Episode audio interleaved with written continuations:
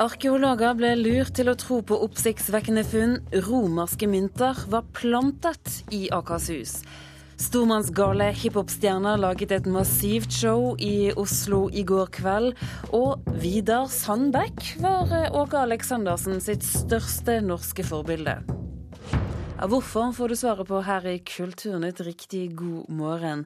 1700 år gamle mynter fra romerne vakte oppsikt da de ble funnet i Akershus. Myntene tydet på at Norge hadde kontakt med Romerriket, men alt var lureri. Myntene ble lagt i jorden etter at de arkeologiske utgravingene hadde begynt. Dette var rett og slett plantet. Ja, myntene, de, de, disse romerske myntene. Eh, de ligger her. Kjartan Fønstelin i Akershus fylkeskommune viser fram romerske mynter på Son kystkultursenter. Han er ansvarlig for utstillingen av gjenstander fra utgravingene på Labo i Vestby kommune. Det er enormt mye gjenstander. altså Det er hundretusenvis av gjenstander her. Og, og, mye av det relateres til handel, med, spesielt da med utlandet. Og lenge trodde man at også de romerske myntene var del av en slik internasjonal handel. Arkeologene ble begeistret da barn som fikk grave i jordmassene på Follo museum, fant 17 mynter. De eldste nesten 1700 år gamle. Altså det er fantastisk å finne mynter som er bortimot 1700 år gamle. Men myntene har ikke ligget i jorda i århundrer, slik arkeologene først trodde. De er åpenbart plantet. Noen har plantet det i, i jordhaugene uh, etter at de er blitt kjørt til, til Follo museum. De er funnet veldig samlet på samme sted, og, og enten kastet rett inn eller stukket inn i, i jorden der. Det er veldig trist. Myntfunnene vakte oppsikt fordi de kunne bekrefte teorier om at Norge hadde kontakt med Romerriket, og ble bl.a. omtalt i TV-serien Norske røtter, som gikk på NRK tidligere i år. Se her, ja. Se her hva du har funnet. Dette er jo flott romersk mynt. Men det viser seg altså at historien er forfalsket. Det er selvfølgelig veldig kjedelig, for det, at eh, det er ikke det inntrykket vi gir i det hele tatt i, i programmet. Det sier prosjektleder for NRK-serien Ole Egil Størkson. Han fikk ikke beskjed om at arkeologene mistenkte forfalskning allerede under innspilling, men skulle gjerne hatt det. Hadde vi visst det, så hadde vi vel eh, laget eh, episoden litt annerledes. Hva skulle gleden være ved å plante de myntene der, altså? Og ødelegge et uh, unikt prosjekt. Sier fungerende leder for Follo museum, Marit Solli. Det er vanskelig å vite hvorfor noen forsøker å forfalske historien, sier Kjartan Fønstelien. Det er kanskje en merkelig form for humor. Hva, hva, som er årsaken, det aner vi ikke. Hva vil dere gjøre ja. hvis dere finner ut hvem som har gjort det? Det vil sannsynligvis bli politianmeldt. Det, vil, det, er, det er, jo i beste fall hærverk på, på offentlig eiendom. Og forkludring av arkeologisk datamateriale. Men tross den nye kunnskapen står det ingenting i utstillingen på Son kystkultursenter om at myntene slett ikke er del av Norges eldre historie. Det er uetisk, mener arkeologiprofessor Christopher Prescott ved Universitetet i Oslo. Her formidler man altså en, en historie som etter all sannsynlighet ikke er sant. Nettopp dette med kontekst er vikt, en av de viktigste tingene som gir informasjon til gjenstander og til funn. Og hvis vi ikke er 100% redelige på kontekst, så undergraver vi de historier vi forteller. Vi undergraver vår egen troverdighet, og det er, det er ikke bra. Men det er ikke nødvendig å endre utstillingen, mener Kjartan Fønsteli. Vel at ikke vi forfalsker noe historie her ved å ikke skrive hvor de, hvordan de har kommet hit. Og øh, vi har ikke diskutert hva vi skal gjøre videre med det. Nå syns jeg det er fint å ha myntene her. Under omvisninger på museet forteller likevel Marit Soli de besøkende om at myntene ikke hører til labofunnene. Og at det blir en eh, diskusjon blant folk eh, om det er greit at eh, noen driver og forfalsker det prosjektet. Reporter her, det var Ida Kvittingen. Håkon Ingvoldsen, du er arkeolog ved Kulturhistorisk museum her i Oslo og ekspert på mynter. Du var med i denne NRK-serien Norske røtter og fikk myntene, inn til undersøkelse. Hva var det som gjorde at dere fikk mistanke? Nå eh, kjenner vi jo samme type mynter fra funn i eh, østlandsområdet fra tidligere, så det i seg selv var jo ingen stor sensasjon. Det som var spesielt her, var at det var såpass mange mynter, funnet såpass konsentrert og over, som hadde såpass stor spredning i tid. De spredde seg altså mm, fra 300-tallet til 1100-1200-tallet. Så det en, eh, dette kunne tyde på en markedsplass, og typisk for funn vi finner sør i Europa, hvor det var økonomisk aktivitet i, i romertid men hadde vært veldig spesielt i, i Norge da. Så det var, fikk oss til å lure litt. Grann. Dessuten så, så var det jo ikke eh, altså Norske røtter fremstilte jo dette på en veldig god måte og brukte det som et godt eksempel på noe som kunne stadfeste en romersk eh, kontakt. Eh, men det var jo, de tok reservasjoner, og vi tok reservasjoner fordi vi var midt i en prosess. Og vi fant jo mynter mens de var på location og, og filmet. Eh, så da var vi altså midt i en tidlig prosess for å prøve å sortere ut hva empirien var, og, og hva dette kunne bety. Så, så sånn sett så meldte det jo veldig godt fra, fra den hendelsen. Så var det, det viste seg å være rett og slett noen som hadde plantet myntene. Men det er ikke første gang at noe sånt skjer? Nei, ikke første gang. Og som sagt så er vi fremdeles i en prosess. Vi har ikke funnet ut hvem som har gjort dette. Hva tror du? Jeg tror som sagt de er plantet, eh, og dette bekreftes også ut fra eh, nærmere undersøkelse av myntene ved teknisk konservering eh, på, på Kulturhistorisk museum, hvor man da undersøker korrosjon, altså overflaten på disse myntene. Og det viser seg altså at de veldig veldig lite sannsynlig kan ha ligget i samme jordsmonn i, i flere hundre år. Jeg tror bestemt de er plantet fordi de opptrer veldig samlet uh, i jordmasser på et veldig lite område. Og det har vist seg senere at det ikke er samme forekomst av mynt altså i, i de andre delene av disse jordmassene. Men Hvem er det som har interesse av å gjøre noe sånt? da?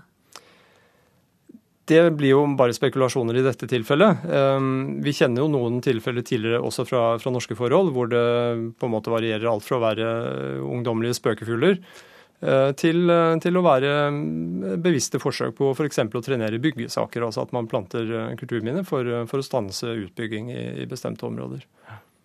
Hvordan opplevde du det da det, altså, dette konkrete funnet ble gjort? Det kom gradvis, og det var altså utført arkeologisk undersøkelse der disse jordmassene kommer fra. Og den var sluttført. Den rapporten er ikke ferdig ennå, så den avventer vi litt. Men eh, jordmassene ble frigitt og ble transportert bort fra det opprinnelige stedet der de, der de fantes. Så disse jordmassene, 13 lastebiler Asiat, de ble fraktet til Follo museum for å brukes der på publikumsdager. Og det var under disse publikumsdagene hvor da besøkende, særlig skoleklasser, fikk lov å solde jord, eh, at det begynte å trille ut romerske mynter. Eh, først, først var det bare en håndfull. Eh, men senere, også etter Norske røtter-serien ble laget, så kom det altså et ytterligere tilfang av mynt fra samme del av disse jordmassene. Så, så, det var en veldig gradvis utvikling av dette her som gjorde at vi etter hvert også fikk mistanke om at, at det faktisk var, var plantet der. Da. Hvor irriterende syns du det er? Eh, det er ikke irriterende, men det er, det er, skuffende for de som har vært med på, på disse publikumsdagene ved Follo museum, eh, som, som, ikke fikk det utfallet de kanskje hadde tenkt. og det er eh, skuffende, fordi eh, dette er jo en forfalskning av, av folks forhistorie og, og, kulturelle bakgrunn. altså Når folk prøver å bevisst legge ned materiale som ikke hører hjemme i, i de, de, stedene det ble funnet. Da. Så, så det, det, ser vi alvorlig på. Som til og med er vist på fjernsyn? Eh, ja. Eh, det er ikke første gang sånne saker dukker opp på fjernsyn. Eh, det var en stor dagsrevysak i 68 hvor Per Inge Torkelsen hadde plantet kinesiske mynter i utgravinger i Stavanger, som fikk arkeologer verden rundt faktisk til å sperre øynene opp. Eh, heter det ble avslørt at det var rene guttestreker det var snakk om. Håkon Ingvaldsen, takk for at du var med oss her i Kulturnytt.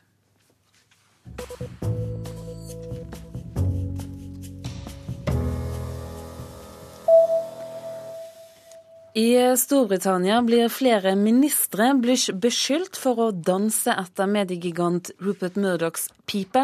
Kritikken kommer fra liberaldemokrat og visestatsminister Nick Clegg.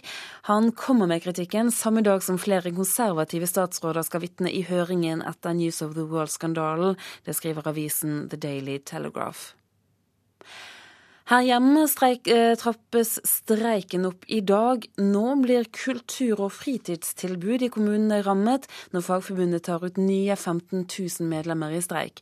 I flere kommuner må kulturhus, biblioteker og kinoer stenge, eller redusere tilbudet pga. streiken. Og I løpet av uken så kan nær 50 000 ansatte i stat og kommune være i streik. Klokken den er eh, straks 8.15. Du lytter til Nyhetsmorgen i NRK P2 og Alltid nyheter. Hovedsaker i dag. Nordmenn jobber svart og hever trygd samtidig. Nav anmelder nå svindel for 64 millioner kroner. Som vi hørte, streiken trappes opp. De neste dagene kan så mange som 50 000 komme til å streike.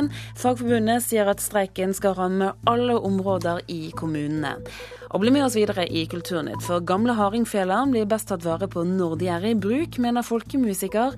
Helt feil, svarer museumsdirektør. Men eh, nå aller først. I eh, går kveld så møttes to av verdens største rappere, Kanye West og Jay-Z, for første gang i Norge. Nær 20 000 publikummere var på plass. En av de som var på konserten, det var eh, musikkanmelder i NRK Lydverket, Alireza Sofipour. Altså, dette var høye forventninger, det hørte vi i forkant. Mm. Innfridde de? Absolutt. Vi hadde med to av verdens største rappstjerner å gjøre. De, altså, det var jo eh, Jeg ble jo nettopp konfrontert utafor her. Eh, hvorfor skulle to av de største i gamet møtes og gjøre noe enda større? Altså, Det var stormannsgalskap på det største. da. Altså, det var, det var helt vilt, det var massivt, tøff produksjon, og alle var i form. Og hvis man skal se sånn dualistisk på det, du har jo eksentrikeren eh, West her, og så har du gatemannen JC, da. Så det veide opp hele veien, liksom. Så det var hvor var du når de spilte i Telenor Arena? du, Skal vi ta det fra begynnelsen? av? Altså, hvordan startet det? De, eh, det var jo helt svært, fordi de startet med Ham, eh, låta Ham, eh, hvor de ble opphøyd i sånn slags kuber som viste bilder av rovdyr og vaktbikkjer. Og så sto de mot hverandre, som liksom De skulle liksom på en måte slåss, eller hva, hva enn det var, da.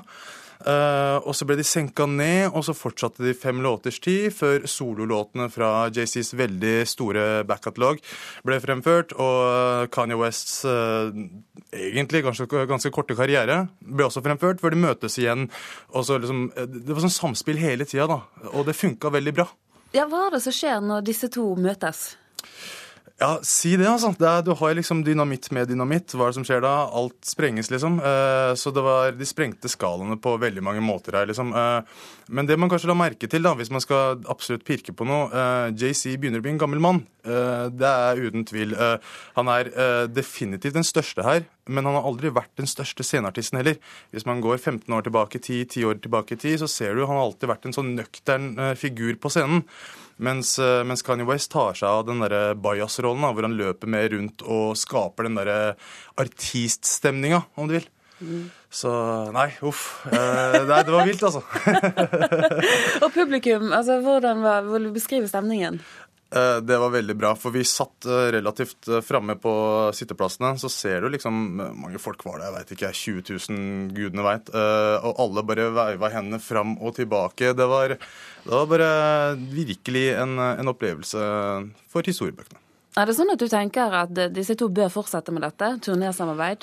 Eh, det er akkurat det òg. Nå er fallhøyden såpass stor. Altså, Selve Watch the Throne-albumet var eh, mellom fire og fem. Altså, det var eh, dollar som tytet ut av høyttalerne hver gang du satte på den skiva, fordi det var veldig overprodusert og bra håndverk, da, men kanskje litt vel mye. ikke sant?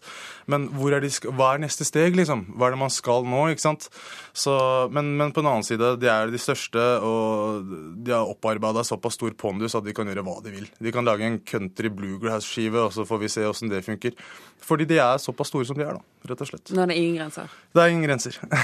Takk for at du var med oss eh, her i Kulturnytt. Snakk om litt annen type musikk eh, nå. Eh, den aller beste måten å bevare gamle instrumenter på, er nemlig å bruke dem. Det mener folkemusiker Knut Hamre. Han er plateaktuell med ny musikk spilt på fela fra 1700-tallet. Men direktøren ved Ringve museum er helt uenig i at gamle klenodier skal brukes, for han mener instrumentenes verdi blir ødelagt forbudt frukt. de henger der, hektar og hektar, og så har veldig lyst til å spille på dem, og til slutt så greide ikke annet enn å ta dem ut. Det er ikke epler felespiller og folkemusikker fra Hardanger Knut Hamre snakker om, men veldig, veldig gamle feler. Men jeg kan ta litt på, stryke litt på den her eh, Isak Nilsens gård 1720.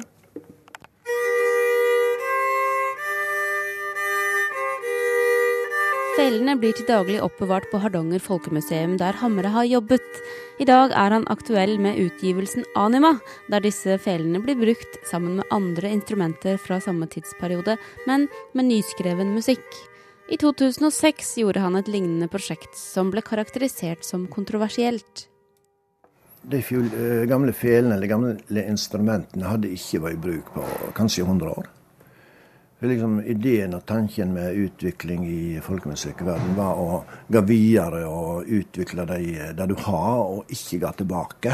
Så det var vel liksom litt, litt sånn rustende i, i, i fagmiljøet.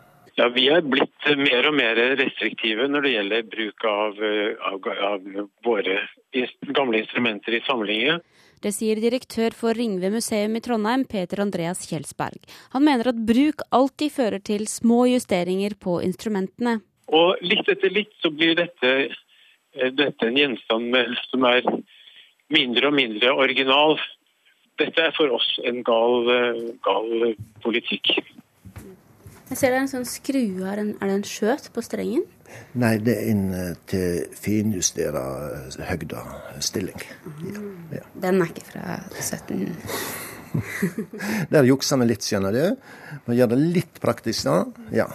Selv med nye skruer mener Hamre at det å bruke spillbare gamle instrumenter er den beste måten å ta vare på instrumentet. Nei, for da holder du liv i, i eh, materialen. Du unngår sprekker, du unngår eh, Ja, i det hele tatt. Hvordan vedlikeholder du disse her, da? Nei, Det er noe riktig temperatur og um, riktig fuktighet. Og, og, ikke minst at du, når du spiller på de, så har du kontroll med at alle liminger er i orden, og at alt er som det skal. Kjelsberg på Ringve museum er mer opptatt av at gamle instrumenter skal konserveres og ikke restaureres.